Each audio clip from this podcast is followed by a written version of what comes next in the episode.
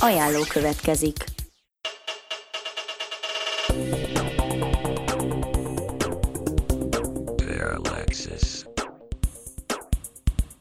A következő parallaxisban. Kis kitétel minden súlytalanság természetes. A zuhanó repülőgépen pont attól van súlytalanság, mint az űrhajón. Az űrhajón sem azért van súlytalanság, mert olyan messze vagyunk a Földtől, hogy ne lenne gravitáció, mert ilyen nincs is, hanem egyszerűen az űrhajó körbe zuhanja a Földet.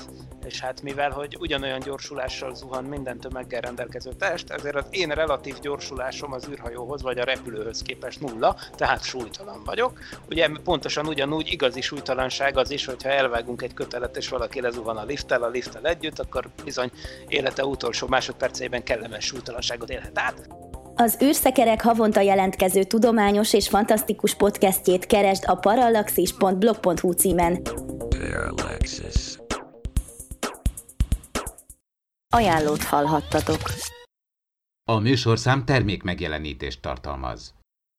12 éven aluliak számára nem ajánlott. Figyelem! A műsorban spoilerek bukkanhatnak fel. Az emtv.hu bemutatja.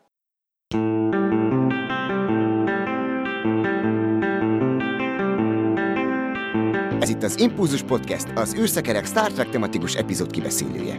A fedélzeten Csaba, Attila és Dave.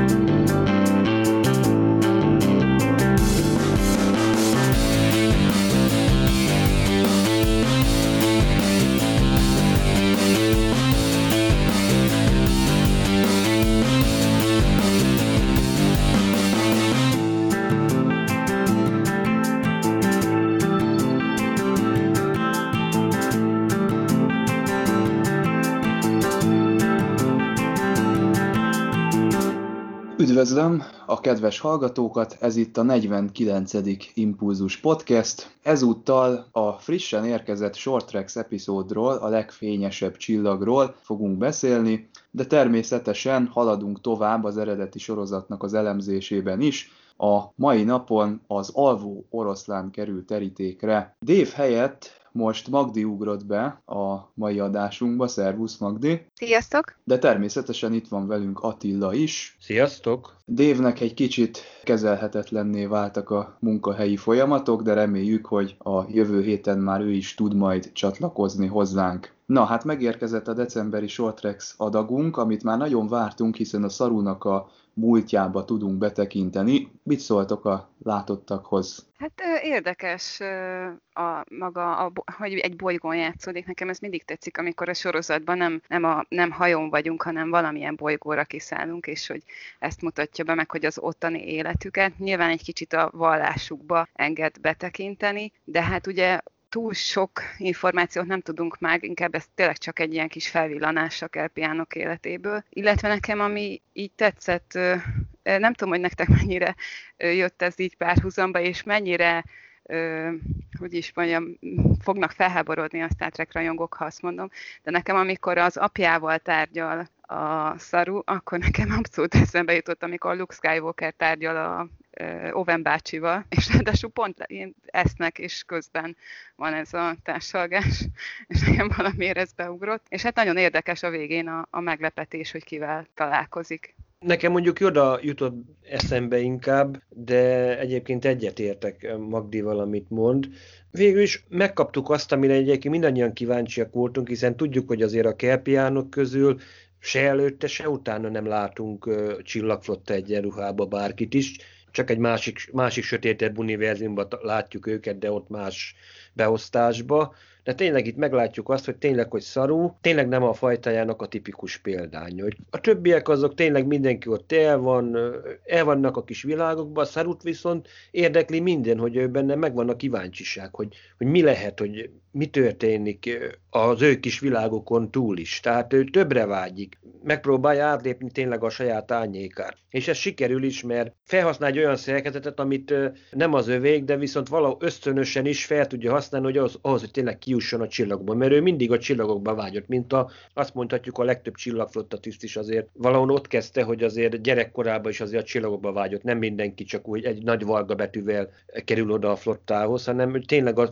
keresik a tudást, a, megismerni a megismerhetetlent. Tehát jó, nem, nem kaptunk túl sok újdonságot magához a sorozathoz, de legalább így be tudtunk pillantani Szarunnak a vilá, eh, lelki világába, meg a Szarunnak a múltjába, hogy miért lett az, aki. Igen, az, a, ami érdekes, az, a, az hogy mm, Szaruról nekem az volt a benyomásom, hogy ha nem is, mert az túl erős lenne azt mondani, hogy elva, de nagyon óvatos, állandóan óvatos, és mindent így biztosítani akar, amikor valamit csinál, és most ez alapján érthető is az ő hozzáállása így a dolgokhoz, hiszen az ő népe az meg így tele van hiedelmekkel, és, és ő, neki ebből kellett kilépnie, és ráadásul egyedül van, legalábbis úgy tudja, hogy egyedül van. Nekem egyébként a Star Trekből is jutottak eszembe párhuzamok. Az egyik a Half-Life című rész a TNG-ből, amikor ugye szintén egy olyan fajjal találkozunk, akik teljesen természetesen veszik annak az eseménynek a meglétét, hogy bele sétálnak, bele gyalogolnak gyakorlatilag egy önkéntes halálba. Ezen kívül nagyon sokszor kerül elő a Star Trekben az is, hogy egy közösség az korlátozza mondjuk egy egyénnek vagy több embernek a kreativitását, a szabadságát. Ilyen volt például a Birthright című epizód, amiben ugye klingonok és romulánok éltek együtt, de végül a klingonoknak az identitása az, az felülkerekedett, és, és mégiscsak elszakadtak. Tehát nekem ilyen párhuzamok is bejöttek. De említhetném mondjuk a Voyager-t is azért, ott is emlékezve, amikor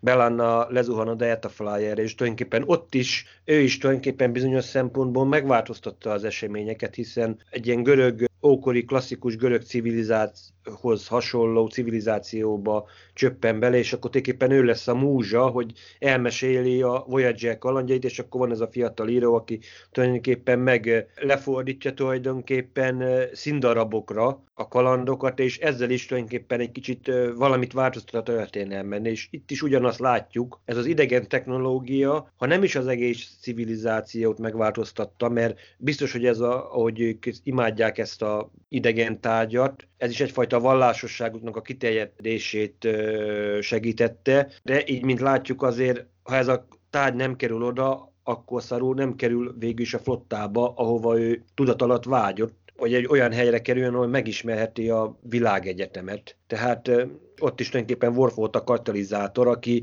kimozdította azt az egyensúlyt a romulánok meg a klingonok között. Tehát a klingonok ott, ott el voltak a romulánokkal, hogy szinte kezdték elfelejteni, hogy ők, ők, ők valójában egy harcos nép, hogy a, elkezdték elveszíteni tulajdonképpen a kulturális azonosságukat. Azért láthatod ott azért, amikor elkezd újra a fiatalokat is tanítani Kárlesznek a törvényeire, akkor amikor láthattuk, amikor Worf elkezdte tanítani nekik ezt a Klingon Aikido-t, most ne kérdezz most pontosan mi a neve, aznak azt, azt a mozgás gyakorlat, ami lényegében egy harcművészet. Tehát mindig van egy katalizátor, e, valami, ami egyáltalán beindítja, hogy megváltozzon az egész helyzet. Itt is Szarunál is, hogyha azt a, nem az ő falujukba kerül ez a gép, hanem egy másikba, akkor akkor ő ugyanúgy ott marad a faluba, egy, egy kíváncsi kelpien marad, akit lehet, hogy éppenség egy környékbe egy razakodozó fog ö, széttépni, mert kicsit távolabb merészkedik a falutól, mint amennyire kellene.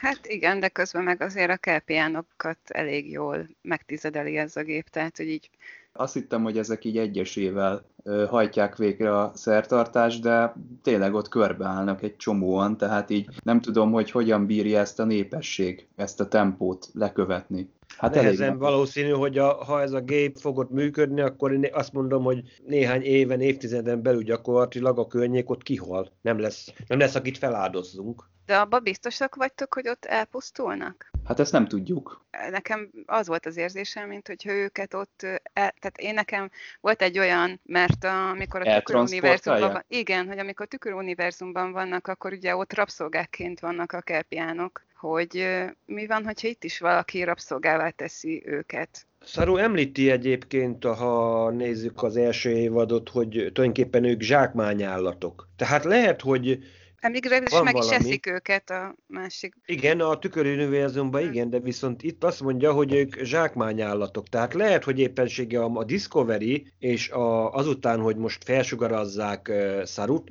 lehet, hogy akkor közben megoldódik a rejtéje, hogy hova kerülnek a többi kelpien, hogy lehet, hogy akkor, ha nem is Giorgio-val, de valakivel, vagy lehet, hogy éppenség, lehet, hogy éppen Giorgio-val, hogy a Shenzhou végül is felfedte a rejtét, hogy hova kerülnek a kelpiánok, hogy lehet, hogy éppen valahol rabszolgának, vágóhidra kerülnek, vagy csak rabszolgaként dolgoztatják őket, tehát Mert sok értelme nem volna őket megsemmisíteni.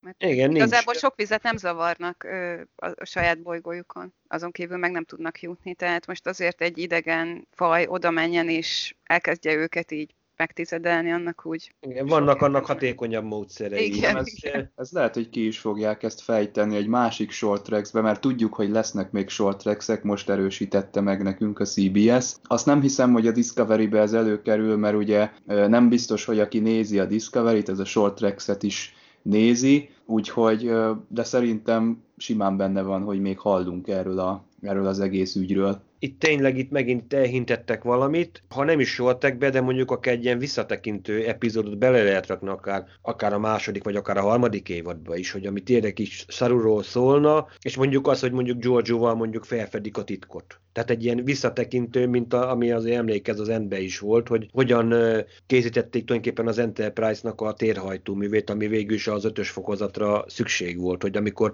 tényleg ellopták a prototípust, hogy illegálisan leteszteljék, mert már úgy volt, hogy a vulkániak azt mondják, hogy jó, földieknek térhajtómű teszt, kanyec filma, mert, mert túl veszélyes, hogy felrobban a saját művük. Meg ráadásul izgalmas is, szerintem a kelpiánok talán a legizgalmasabb új faj, legalábbis nekem.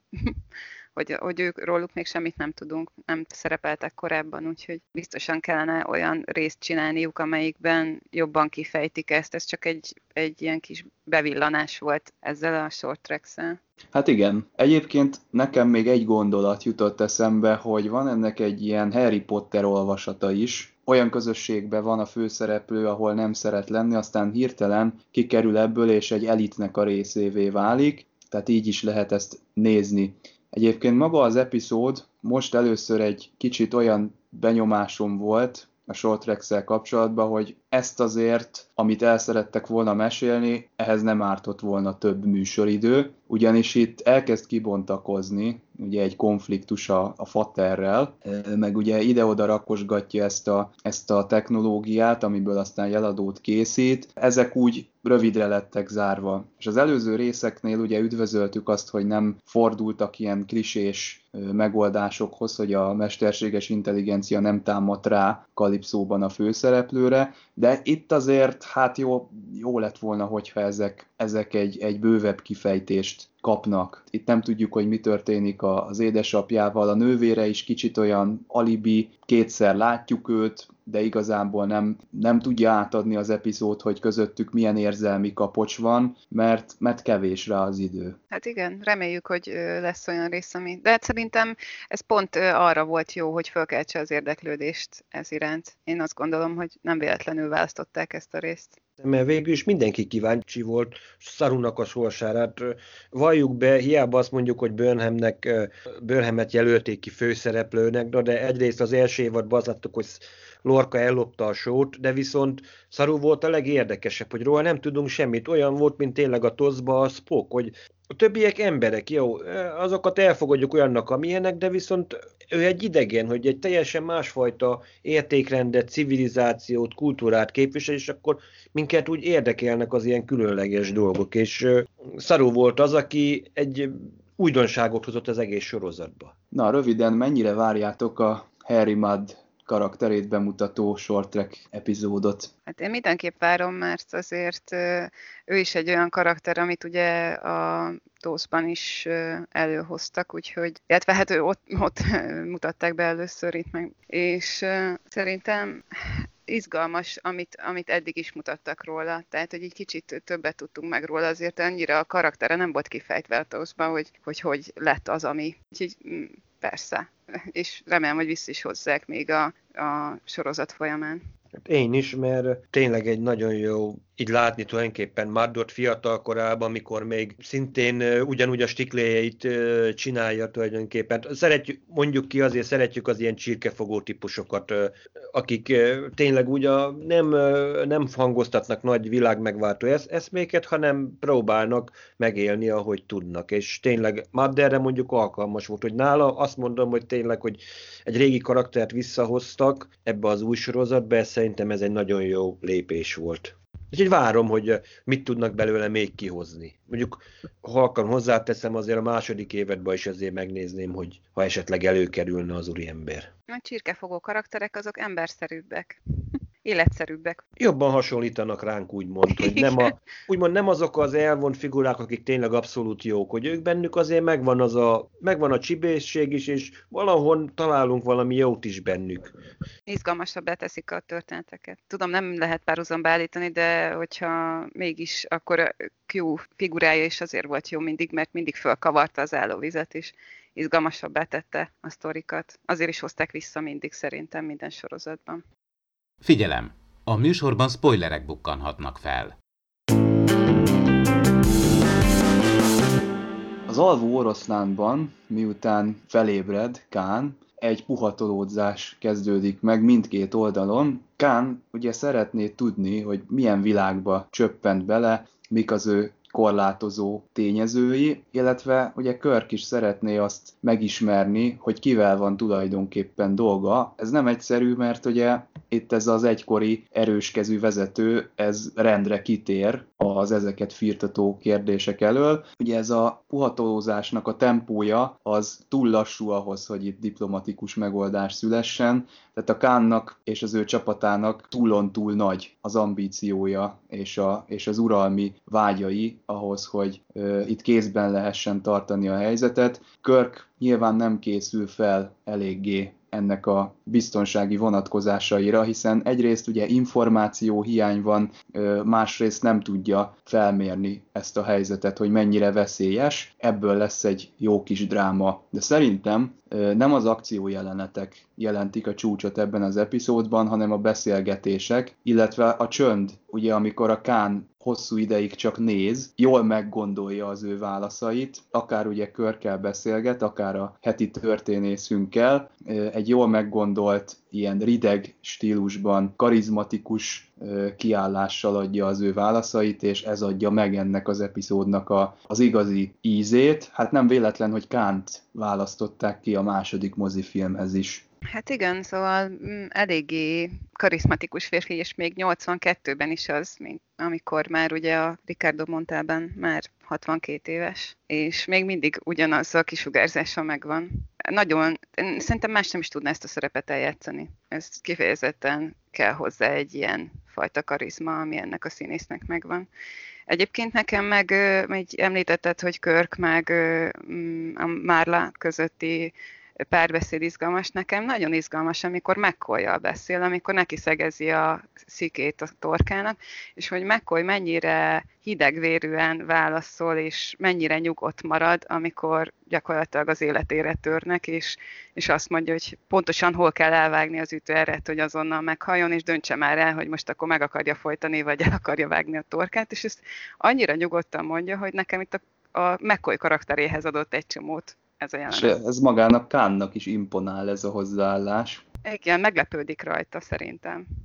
Őszintén szóval én is újra és újra meglepődök ezen a részen, mert általában McCoy úgymond támadással reagál minden, mindenre, hogyha azért ha láthatjuk, amikor mindig is Spockkal beszélget, akkor tényleg azt lehet mondani, hogy szinte azt látjuk, hogy mikor emelkedik meg a haja, hogy a gő, felesleges gőz elmenjen, mert tényleg úgy fel tudja magát húzni, meg tényleg egy olyan jéghideg elszántsággal mondja neki, hogy akkor ezt az ütőeret vágja el a fülem mögött, mert akkor ez így lesz a leghatékonyabb, hogy tényleg, egyébként tényleg elképesztő. És na én emiatt, mondjuk így, hogy Ricardo Montában karakter, hogy tényleg ő benne megvan az a arisztokratikus, tényleg a szerethető gonosz, hogy tényleg az a elegáns gonosz, aki tulajdonképpen nem is gonosz, mert ő tényleg hát nem azt mondjuk, hogy ha csak annyit mondanák rá, hogy politikus, akkor nem, hanem ő egy olyan Hadvezér. vezér. Hát ha nem is hadvezér, de inkább azt mondom, olyan vezértípus, aki tényleg, akinek megvan a tényleg az a karizmája, és tényleg azt mondom, nem akarom Benedict Cumberbatchot, nem akarom én ott lekicsinyíteni. No, ő nagyon jó egyébként Sherlock Holmes, meg a többi filmekben, de Kán szerepére tényleg Ricardo Montalban volt a megfelelő. Ő elő tudta adni tényleg azt a szerethető gonosz, negatív figurát, akit tényleg azért szerettünk Kánként. Úgyhogy egyszerűen van, akit nem lehet egyszerűen helyettesíteni. Hát, és az volt nekem egyébként furcsa, hogy tényleg van egy mondat benne, amikor tényleg oda megy az ágyához Kánnak Körk, és akkor utána a Kán azt mondja a végén, hogy köszönöm az együttműködését, kapitány, hogy gyakorlatilag itt már, itt már szerintem itt Körknek is le kell esni, hogy ez a, akit megmentettek a 20. századból, ez nem egy egyszerű figura, hogy nem egy közönséges mérnök, mint ahogy mondta, hogy hát én ilyen mérnök ember volnék, azért kíváncsi lennék a hajójukra, hogy valamit olvasgassak, valami kis műszaki dolgot. Tényleg ilyen szinte, szinte, maga, szinte félváról veti oda Körknek. Felmérik egymást, ugye a Körk Igen. is próbálja felmérni, hogy ki ez az ember, és alábecsüli, mert nem tudja, hogy ez egy, ez egy ennyire, ennyire veszélyes régi hadvezér, és a Kán is ugye, ugye próbálja, hogy, hogy, és csodálkozik, hogy mennyi információt megoszt vele a Körk, hogy együttműködik, mert ö, nem tudja, hogy nem ismeri. Így van, Egy- nem ismeri. Igen, nem ismeri fel, hogy de mind a ketten kölcsönösen alábecsülik egymást egyébként, ha megnézzük. Mert mivel, hogy ő normális ember Körk, hát ö, emiatt becsüli alá, Körk meg nem tudja, hogy tulajdonképpen ő itt egy génjavított bűnözővel áll szembe végül is. Ez jutott eszembe egyébként, hogy hát körkék nem veszik észre, hogy tulajdonképpen génjavítottakkal állnak szembe. Hát azért jó, 66-68-ban azért még ilyen DNS gyors tesztek nem voltak, hát azért a, tudjuk, hogy a századforduló 2000-es évekre sikerült a teljes emberi génkészletet nagyjából feldolgozni, de azért lehetett volna egy olyan ugrás, hogyha már belejutunk, beleugrunk egy olyan ötletbe, hogy tudósok 70-es évektől kezdve, mert ha visszaszámolunk, akkor körülbelül akkor kellett elkezdeniük a úgymond Kánnak, meg a többieknek a létrehozását, Übermensch, azért, hogyha már beleugrunk abba, hogy na most a GNS-be belepiszkálunk, akkor valószínűleg a DNS-nek a kimutatása. Tehát McCoy-nak egy egyszerű sima tesztel, egy szkenne, a számítógépnek ki kellett volna mutatni, hoppá, ezekben az emberekben mesterséges gének vannak, nem? Hát igen, igen. Meg ráadásul ugye ez még említik is a ö, epizódban, hogy ez 92-96 között. 93-96. Én, én legalábbis én így, így mhm. ismert. Lehetséges. Eugenetikus háborúk, É. hogy Igen, igen. Amikor el- elkezdték, hogy így a föld mm, egynegyedét így elfoglalni, ilyen teljhatalmú urak, hogy ez az összes ilyen génmódosított különböző nációkból van, ezt mondja is az epizódban. Igen, hogy akkor volt az, hogy körülbelül olyan 40 államban ö, vezető génjavítottak, 40 államba pucsot hajtottak végre. Érdekes, hogy egyébként, hogy Kán volt az egyik legnagyobb, hogy ő a Elő-Ázsiától közel-keletig egy nagy területen. Hát elvileg, ahogy, mint említik egyébként magába a filmbe is, hogy ilyen észak-indiai sziknek mondják, tehát a szikekről meg tudni kell egyébként, tényleg ő egyébként egy, egy katonáskodó nép volt, meg nép mai napig egyébként, de mondjuk őről mondjuk azt fel tudni kell, egyébként volt egy legnagyobb ellenfelének, új, akit csak így ilyen nem kanonikus regényekben, meg képregényekben lehet felismerni, Vasili Hunyadi volt egy ilyen nevű úriember. Na már most ő még tulajdonképpen még stimmelne is, mert 90-es években őt úgy helyezték be, mint a, mint a nagy Szerbiának az uralkodóját. Igen, kicsit a kép, akik, a, akik mondjuk írták a történetet, azért kicsit elkeveredtek vele, hogy szerbnek állították be Hunyadi urat. Gondolom itt a Nándorfehérvár, Belgrád kicsit megzavarta őket, de állítólag ő volt a legnagyobb ellenfele, legnagyobb rivális a Kánnak, majd szellemi, meg más téren is, tehát voltak itt elég komoly, tehát a, kicsit behozták a jugoszláv polgárháborút már egy utólag a, magába a történetbe. Most, hogy említettétek ennek, a, ennek az eugenikus háborúnak az időtartamát, talán ez az epizódnak az egyik leggyengébb pontja, hogy folyamatosan évszámokat hallunk, ugye a 90-es évek, Azt is tudjuk, hogy 2018-ig történtek ilyen hibernált űrutazások. Ez lehet, hogy úgy kellett volna megoldani, hogy csillagidővel, vagy, vagy kicsit misztikusabban utalni ezekre az időkre. Nyilván a 60-as évekből ezek még izgalmasan hangzanak, de most így visszanézve már ez nem annyira jó. Mert ők azt gondolták akkoriban szerintem, hogy olyan hatalmas technikai fejlődések voltak, hogy azt gondolták, hogy ez ténylegesen megvalósulhat. Ez nagyon sok cifi beleesik ebbe a csapdába, hogy azt gondolja, hogy mondjunk 30 évet, vagy 50-et, és akkor már biztos lesz olyan, és hát csak a, gondoljatok a visszajövőbe légdeszkáira, hogy valahogy ez így nem jött össze ideig. Tehát, hogy igazából ez, ez, ez mindig csak egy ilyen hasraütésre mondanak valamit, ami távolinak tűnik. Hát ez nem jött össze. Akár emlékezhetünk mondjuk a, az AlphaGold bázisra is. 77, uh, 77-től 79-ig forgatták Space két 1999, tehát 90, Igen, igen, igen, de azért a, a magyarok, mi magyarok azért Alfa bázisként ismerjük, hogy azért ne kavarjuk. Ott is csak azért 1999-ben már úgymond a hulladéklerakónak használjuk a holdat és szinte azt mondhatjuk, hogy naprendszerben már rendszeresek lettek volna elvileg a űrutazások, a felfedezések, mert na, mondjuk fénysebesség felti hajtómű nincs, de azért azért a hold körül űrállomás, stb. stb. És, és egyébként valami nemzetközi konzorcium tartotta volna fent ezt a holdnak a holdbázist, tehát már ott valamiféle nemzetköziség fel lehet fedezni. Egyébként a Kánnak az idejébe nem véletlen ez a Botani Bay hajó egyébként, mert aki utána nézett a DY 100-as típust, úgy képzelték el annak idején, hogy 90-es években a nagyhatalmak, kisebb-nagyobb hatalmak, űrtazó hatalmak végig összeadtak egy ilyen nemzetközi konzorciumban. Ezt a DY 100-as sorozatot, hogy legmodernebb technikát adta mindenki, és akkor egy ilyen kilenc űrhajót akartak felépíteni, tényleg így az űrkutatás ezzel elősegítsék, és végülis ez az egy darab készült el, és Kán miután már otthon szorult a kapca, hogy egy kis belső villongás is volt azért a birodalmában, hiába volt olyan egy ilyen nagy népszerű vezető otthon, de azért mindig van ellenzék, és tulajdonképpen ők ezt a hajót tulajdonképpen a legkülségesebb híveivel, 80 valahányan tulajdonképpen elfoglalták, és mivel hogy az atommeghajtású hajó, nem ö,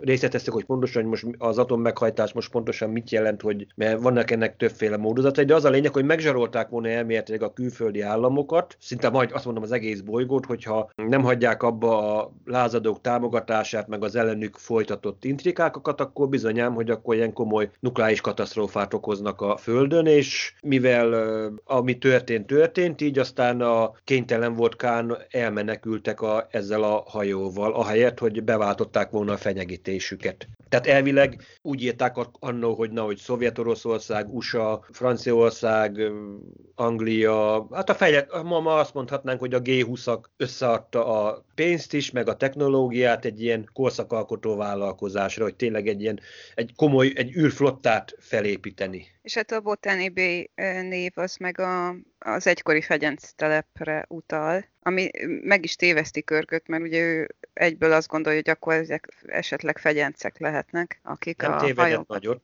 Hát Azért. igen, végül is. De hát... hogy ez egy létező fegyenc telep volt, csak azt akartam mondani. Igen, egészen a vacsoráig, vagy eddig a társas összejövetelig, ugye megy ez az oda-vissza puhatolódzás, és szerintem itt bújik ki a szög igazán a zsákból. Itt egyébként egy kicsit hasonlít a Kánnak a ruhája magára az asztalterítőre is, de visszatérve a társalgásra, ugye itt válik az nyilvánvalóvá, hogy Julius Cézárról és Napóleonról Kán csodálattal beszél, sőt, egyenesen egy, egy megcélzandó pozícióban kommunikálja ezeket a nagy hadvezéreket. Itt már ugye a Körk összeráncolja a homlokát, a Spock az folyamatosan támadja őt amúgy is, de itt már eloszlik minden kétség, hogy kivel van itt dolga az Enterprise legénységének. És a Körk egyébként én egy kicsit úgy látom, ez nincs kimondva az epizódban, hogy csodálja a Kánt, és kicsit irigykedve néz rá, hiába a Körk egy kifogástalan előmenetellel rendelkező csillagflotta tiszt, azért itt mégiscsak a Kán csajozik, hatalmas ambíciókat fogalmaz meg, tehát riválisa a Körknek. Ha nem is ugyanabban a ligában játszanak, de mégis ez, ez két rivális embernek a szembenállása. Hát igen, az a küzdelmüknél is megmutatkozik a gépházban. Bár én ott egy kicsit, azt, egy kicsit esetlennek tartom, ahogy Körk bemegy a gépházba, és így egyből kicsavarja a kezéből a fegyvert a Kán. Tehát, hogy így, mondjuk jó, ilyen pörkösen ront be, tehát hogy az azért jellemző rá, hogy, hogy ilyen lendülete, de hogy ahol tudja, hogy, hogy ott van Kán, és és lesben állhat, vagy bármi, az így nagyon meggondolatlanul lép be. És hát úgy utána az, hogy a Kán így a, a fézert azt így egy kézzel így összenyomja, az meg egy kifejezetten érdekes jelenet. Hát egyébként Shatner is itt emberére talál, mert ugye harsány, energikus, kirobbanó színészi játék, hát Ricardo Montalbán ugyanezt a teljesítményt hozza az epizódban, úgyhogy egy, egy, egy jó, egészséges versengés ez az egész, én úgy veszem észre. Igen, itt végre tényleg egy méltó ellenfél van egyébként. Igen, jó mondjuk ez a fézer, kicsavarás, meg egyebek, ez tényleg ez ilyen klasszikus, hogy itt erre az jut eszembe a külvárosi kommando, amikor Hulk Hogan fogja a fejvadászokkal, tényleg ott azok elhajítják a feszítővasút, utána ő meg egy ilyen nyulat hajt belőle, tényleg ez ilyen, tényleg amikor a két, két kakas tulajdonképpen egymásnak feszül, kicsit profánul mondva. Mondjuk szerintem sokkal jellemző, inkább az a mentális csata, amit tényleg őt Kört meg Kán vívott, amit láthatunk egyébként az ebédlő asztalnál is. Ha megnézzük, Spock nem érti, hogy tulajdonképpen miért csodálják tulajdonképpen akár Scotty is, vagy akár Körk Kánt, meg az eugenetikus háború idején ezeket a hadvezéreket, hogy tényleg Körk azt mondja, ez ránk jellemző emberekre, hogy mi szeretünk fel, nem mondja ki teljesen, de mi szeretünk felnézni az erős, az erős emberekre, az erős egyéniségre. Ez mondjuk tényleg ez benne, bennünk van, akár férfi vagy nő, azért, hogy egy erős egyéniséget látunk, aki tényleg magával tudja ragadni az embereket, akár, akár politikus, akár színész, akár, vagy akár milyen vallási vezető, vagy, vagy bárki mondjuk, aki úgymond rendelkezik ezzel a fajta szónoki képességekkel, vagy bármi, az tényleg azt mi alapvetően már is úgymond pozitívan viszonyulunk hozzá, hogy tényleg azokat felnézünk, hogy példaképek. Ezt mondjuk ezt valamiért, Spock valamiért, ez, neki ez, ez furcsa, nem logikus. Szinte látszik rajta, hogy ez nem tudja hova tenni. Hát igen, és hogyha most a, nem, még nem fejtettük ki, hogy Márlának a kapcsolatát a Kánnal, hogy ez a, ugye ő egy történész, és eleve már az ilyen típusú figurákért rajong, mert ugye ez a kabinjában lévő képekből kiderül, meg ráadásul képzővész is, nem csak történész és hogy ő olyan csodálattal van Kán felé, hogy még amikor Kán megfenyegeti, akkor sem érzi azt, hogy neki, tehát hogy, hogy mondjam, nem vesz ez vissza, sőt, talán inkább még jobban csodálja. Ugyanakkor, amikor körkkel szembe kell neki joviálisnak lenni, akkor mégis körköt választja, és az az érdekes, hogy a legvégén miért mondja azt a végén, hogy mégiscsak Kánnal megy el. Holott valószínűleg megbocsájtanak neki, mert hogy, hogy azért megmenti ott a legénységet, meg a hajót, hogy nyugodtan maradhatna a hajón, de mégis Kánnal megy. Tehát, hogy olyan, valami olyan rajongás van benne, Kán iránt, ami így megbabonázza. Én arra lennék kíváncsi, hogy Kán ö, felől van-e ugyanilyen típusú. Tehát ő tényleg beleszerete ebbe a nőbe, vagy felhasználja, de azek szerint mégiscsak vele marad, mert ugye a 82-es filmben ott arra utalnak, ott már ugye nem él a Márla, mert azt mondja Kán, hogy meghalt a felesége ugye ettől a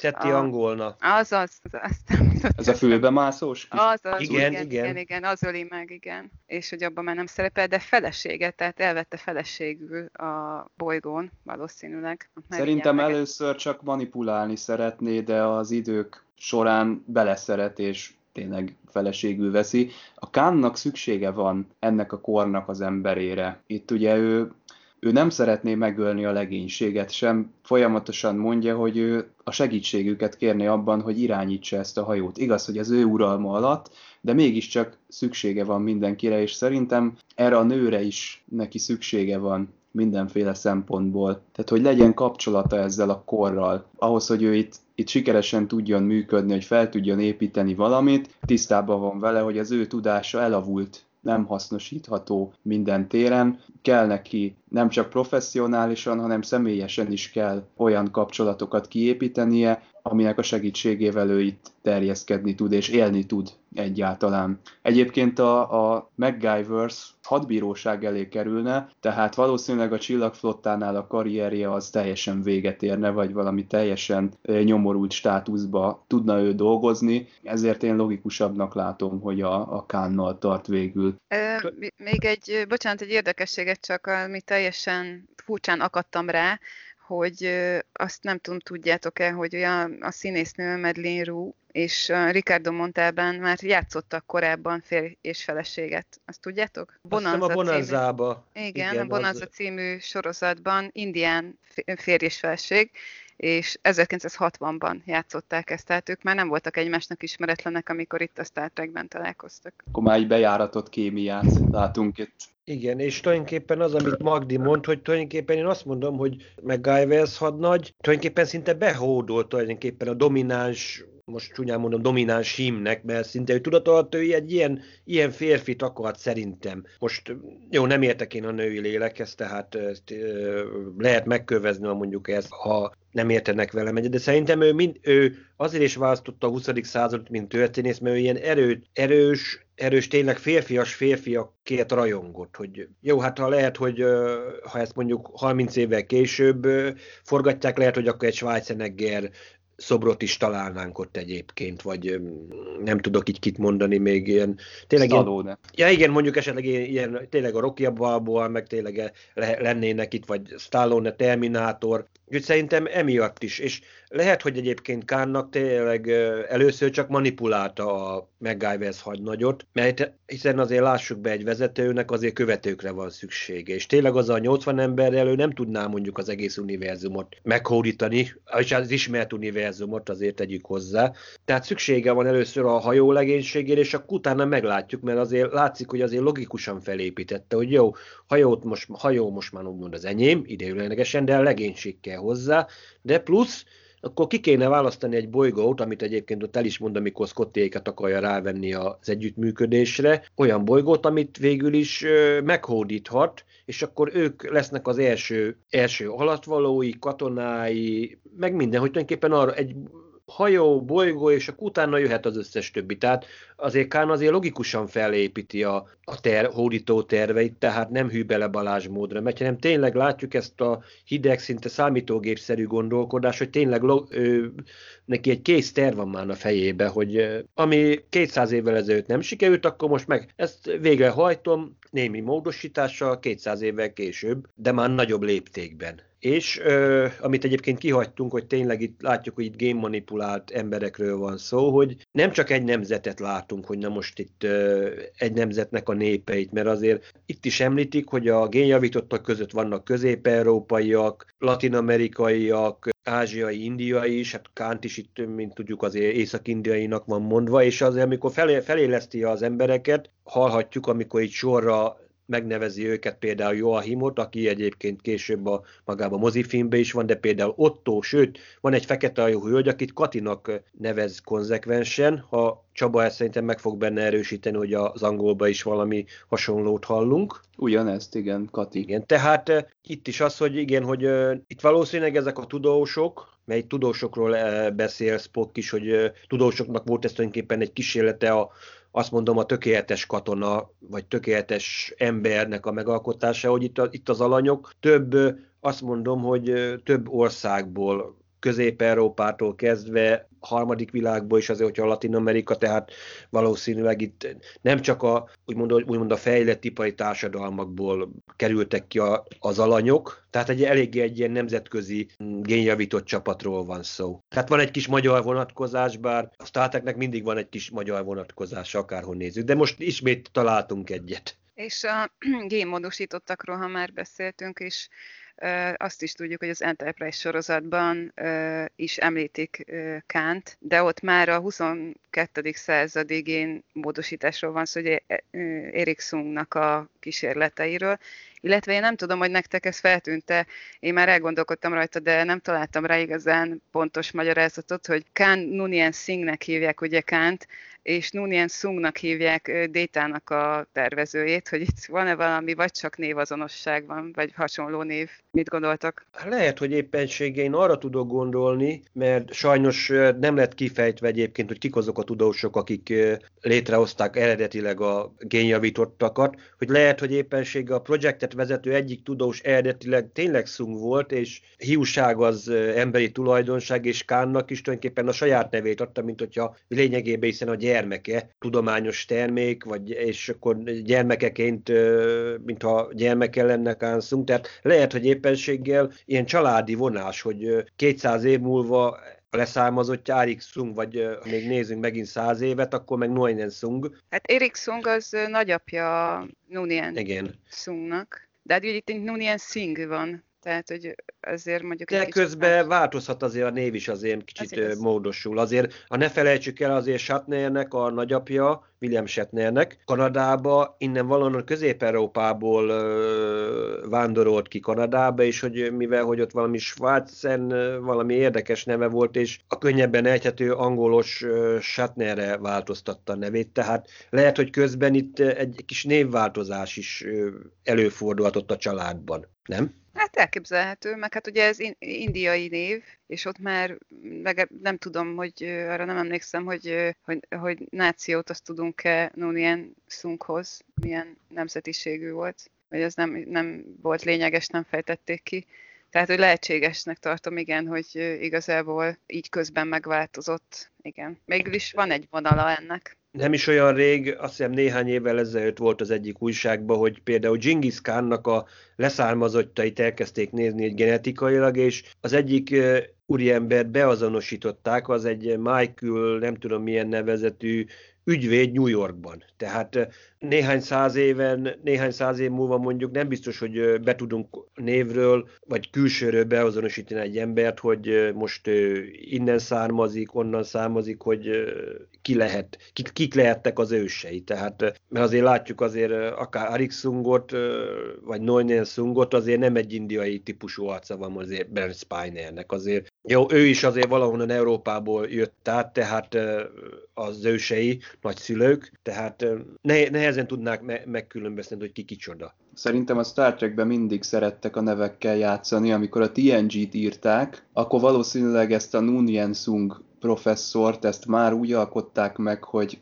a Nunien név az arra utaljon, hogy a hagyományos emberi létünket valami meghaladó dolog, tehát ugye a Sung professzor az azzal foglalkozik, hogy androidokat hozzon létre, és így összekapcsolták ezekkel a feljavított emberi élőlényekkel. Gyakorlatilag itt, itt mindig a, a, a nevekkel játszanak a Star Trekbe, hogyha Zimmerman professzorra gondolunk, vagy még számos példa van erre is. Hát vagy ha gondoljunk a legnyilvánvalóbbra, hogy mindenki azt hiszi, hogy James Duhanről, hogy ugyebár ő, ő ugyanúgy skót, mint a skót származású, mint akár, mint Scotty, akit eljátszik. És közben kiderül, rendben van, hogy Kanadába született, de viszont a szülei nem Skóciából vándorultak ki, hanem Írországból. Tehát neki írként kell skótot eljátszani. Na most ugyanez van Ricardo Montalbánnál is, hogy neki egy mexikói spanyolként kellett, szinte azt mondom, indiait eljátszania. Vagy azért ez tényleg egy érdekes, mint ahogy, ahogy Sir Patricknek meg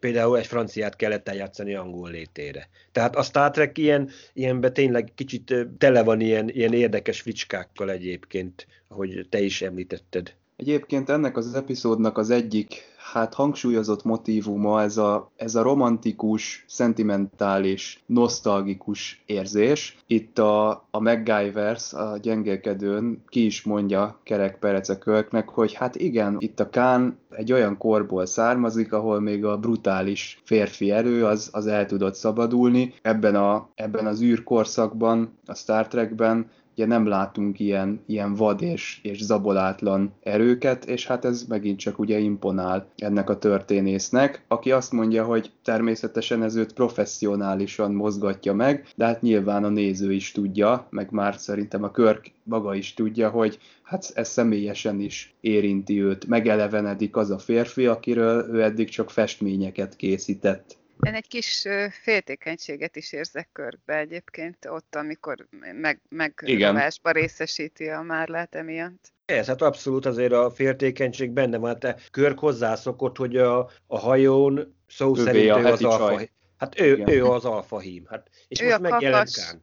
Igen, ő a szemétdombon, ő a kakas, hát ez igen. természetes. Úgyhogy igen, hát tényleg Malla épp csak ki nem mondja, hogy na, hogy a férfiak elnői esettek, hogy érzékenyebbek lettek, de hát Körkre mondjuk ez nem igaz. És hát ugye itt van az epizód végén ez a bizonyos bunyó. Körk és Kán talán itt csap össze először és utoljára fizikailag és testileg, hiszen a mozifilmben már csak a képernyőn láthatják egymást, és szerintem ugye ez a Kán és Körk közötti harc, ez, ez inkább intellektuálisan állja meg a helyét. Ezt látta szerintem Nicolas Meyer is, amikor megnézte ezt az epizódot, és a második mozifilmnek az elkészítésére készült, hogy sokkal erősebbek azok a pillanatok, amikor a Körk és a Kán szembenéz egymással és beszélget, és az a, az a csend, ami közöttük van, az is nagyon beszédes. Szóval oda akarok kiukadni, hogy ez a verekedés, ez, ez lehet, hogy szükséges volt az epizódba, hogy legyen valami akció, de egyáltalán nem, nem ezt érzem a, ebben a részben a legerősebb motivumnak. Főleg, hogy ugye mindig szoktam említeni, hogy itt a dublőrök a nagy felbontású verziókban már nagyon-nagyon kilógnak, tehát látjuk azt, hogy mikor vannak ott a színészek, és mikor vannak ott a színészeknek a, a dublőrjei. Hát igen, ez olyan essünk túl rajta dolog számomra ez a verekedés. Hát igen, ott, ott kellett valami olyan jelenetet beletenni, ami azért ilyen katartikus, tehát hogy muszáj összeereszteniük, mert rövid az epizód,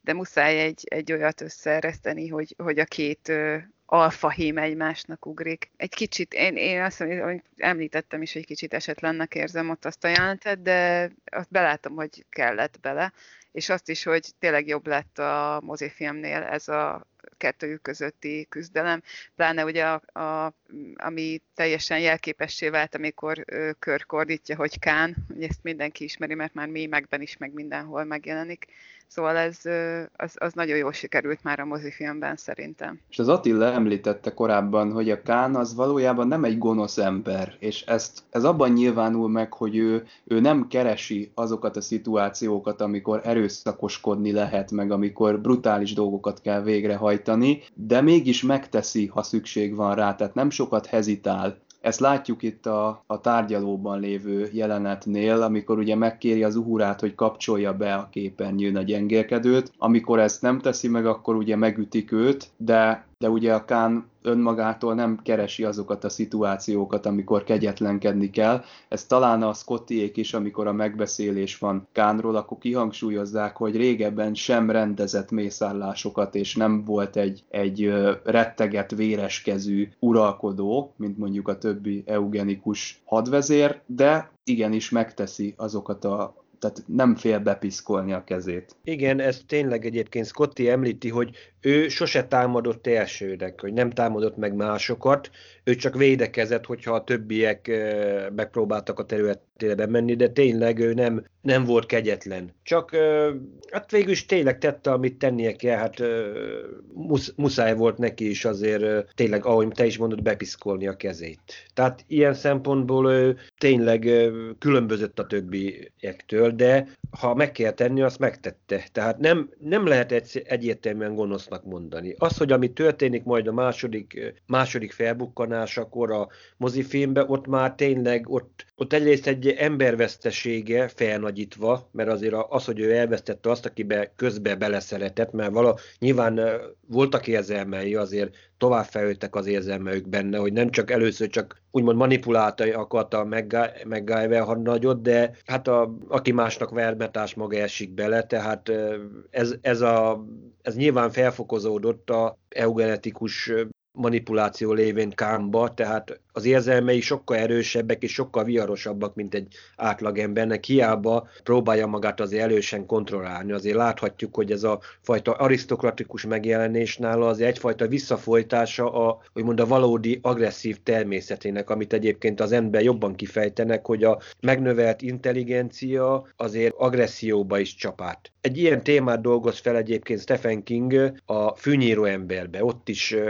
valami hasonló dolgot próbál Stephen King ábrázolni, hogy a megnövelt intelligencia azért megnöveli a mentális instabilitást is, tehát az agresszió, pszichopatikus képességek irányába elmehetnek a következmények. Na hát ez az epizódnak a másik súlykolt ugye egyik témája, hogy nem csak a technológia fejlődik, hanem maga az ember is, illetve ugye Kán rácsodálkozik arra, hogy eltelt több száz év, és az ember az mennyire keveset fejlődött. Tehát itt ugye meg van pendítve a transhumanizmus, ha nem is éppen abban a formájában, ahogy ma sláger azt feldolgozni, tehát nem ilyen kibernetikus kiegészítőkkel, hanem egy természetesebb, hát ha ezt lehet természetesnek nevezni ezt a génmódosítást, de mégiscsak egyfajta organikusabb megjelenésben. Ugye feszegeti ez az epizód azt a, azt a témakört, hogy hogyha elveszítjük az emberségünket, akkor, akkor mivé válhatunk. Hát én egy kicsit vitatkoznék veletek ebbe, hogy, hogy Ken nem gonosz. Én azért ezt a fanatikusságát azt azért egy kicsit ijesztőnek találom. Tehát, hogyha most nem tudom, mit nevezünk gonosznak, akkor ez egy filozófiai kérdés, de Hát annyira Kán az annyira gonosz, mint Napóleon, vagy mint Julius Cézár. Szerintem az epizód is ezt próbálja nekünk egy kicsit így, így beadni.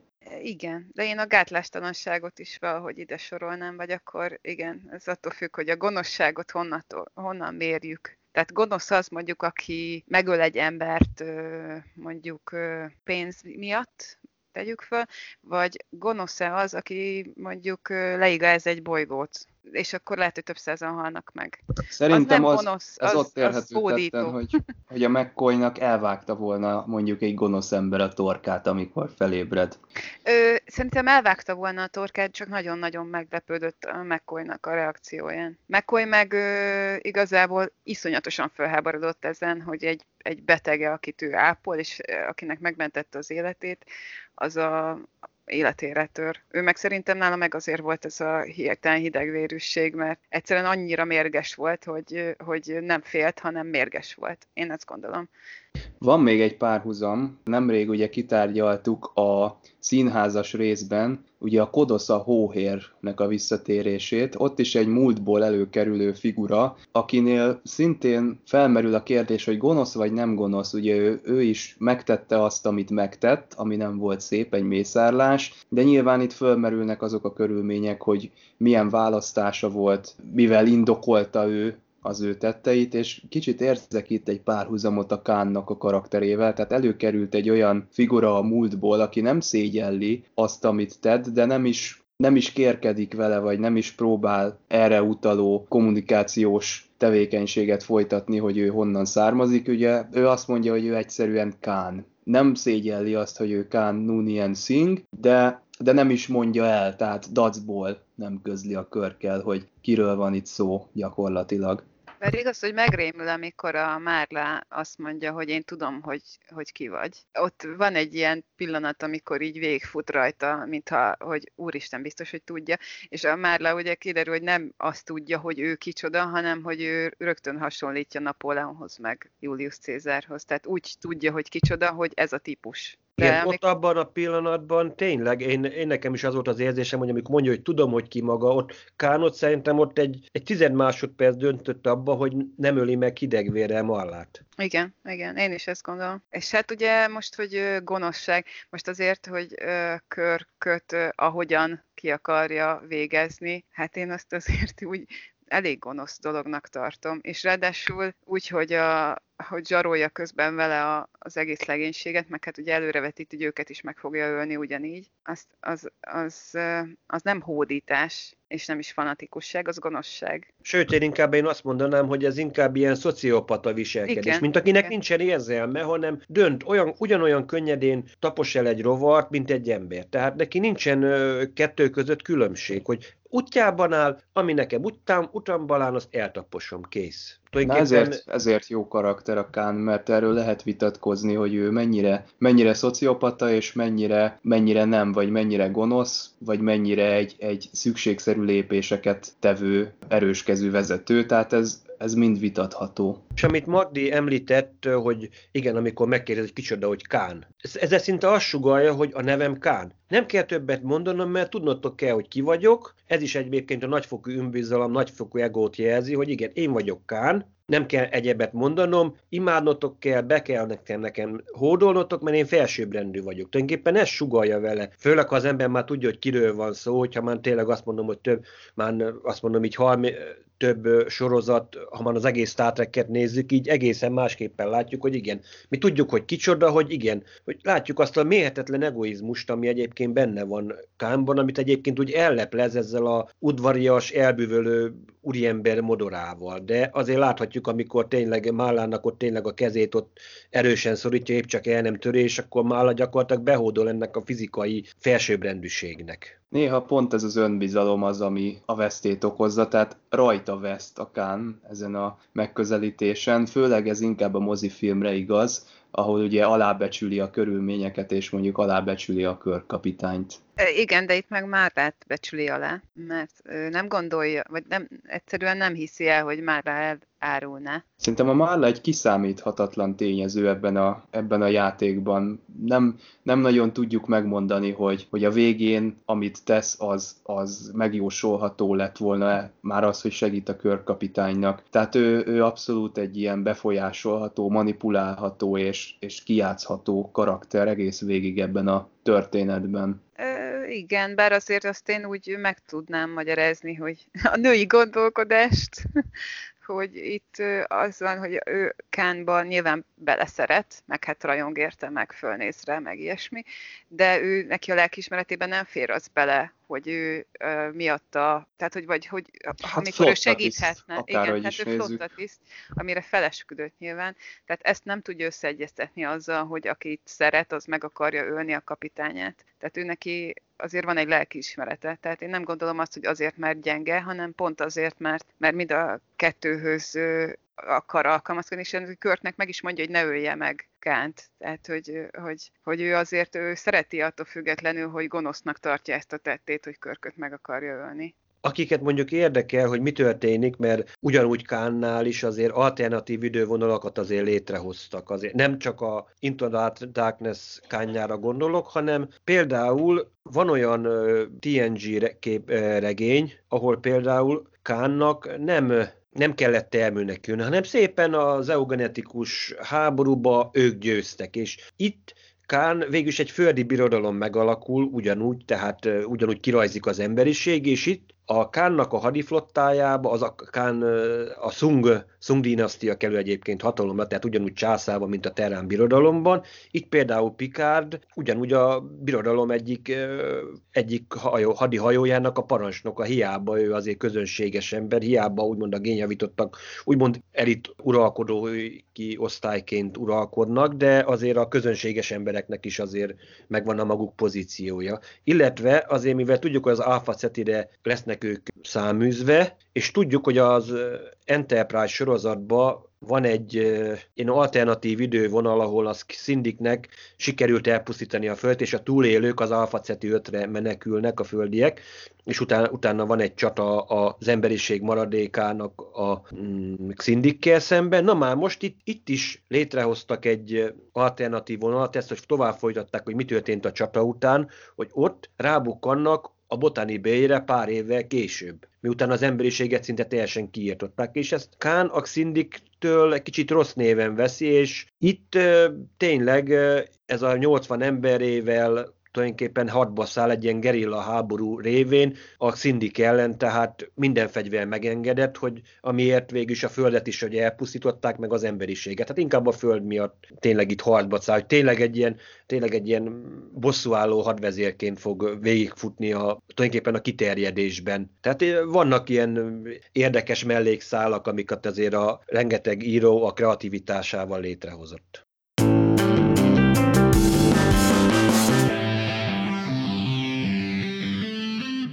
Szerintem nem véletlen, hogy a Star Trek mozifilmekről nagyon sok rajongónak egyből a Kán haragja jut eszébe. Itt egy olyan ellenfél született, aki tényleg méltó kihívója Körknek, karizmában, erősségben, minden tekintetben, intellektuális szinten, úgyhogy azt tudjuk mondani, hogy bár volt ennek előképe, ahogy említettük a kibeszélőben, a múltból előkerülő, megkérdőjelezhető döntéseket hozó vezető, de Ricardo Montalbán annyira a csúcsra járatta ezt a karaktert, hogy egyszerűen a Star Trekben megkerülhetetlen szerepe van. Én abszolút egyetértek ezzel különben, tehát nekem is az egyik kedvenc epizódom a TOSZ-ból, és pont ezért, mert nagyon-nagyon jó a színész, nagyon-nagyon jó ez az ellentét, amit Kör, tehát hogy tényleg egy méltó ellenfelet találtak Körknek, ez nagyon jó. Én is csatlakozom Csabához, hogy 10-ből 9, mert tényleg ez egy olyan, ez, ez is egy meghatározó epizódja a TOSZ-nak, hogy itt is látjuk a régi és az új, ami lehetett volna a negatív jövő és a pozitív jövő csapott gyakorlatilag össze ebbe az epizódba epizódba, és majd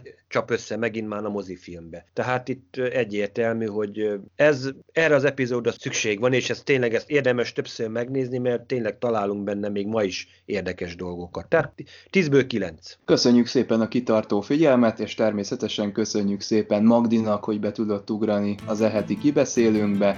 Jövő héten folytatjuk, tartsatok velünk, az Impulzus Podcast vissza fog térni. Szervusztok! Sziasztok! Sziasztok!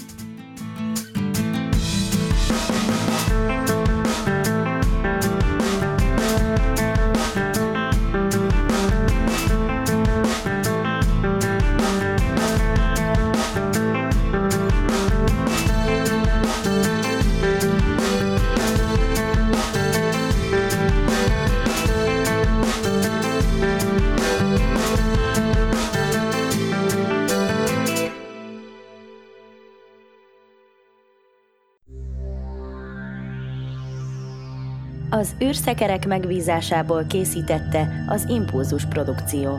Produkciós vezető Farkas Csaba. A műsorszám termékmegjelenítést tartalmazott.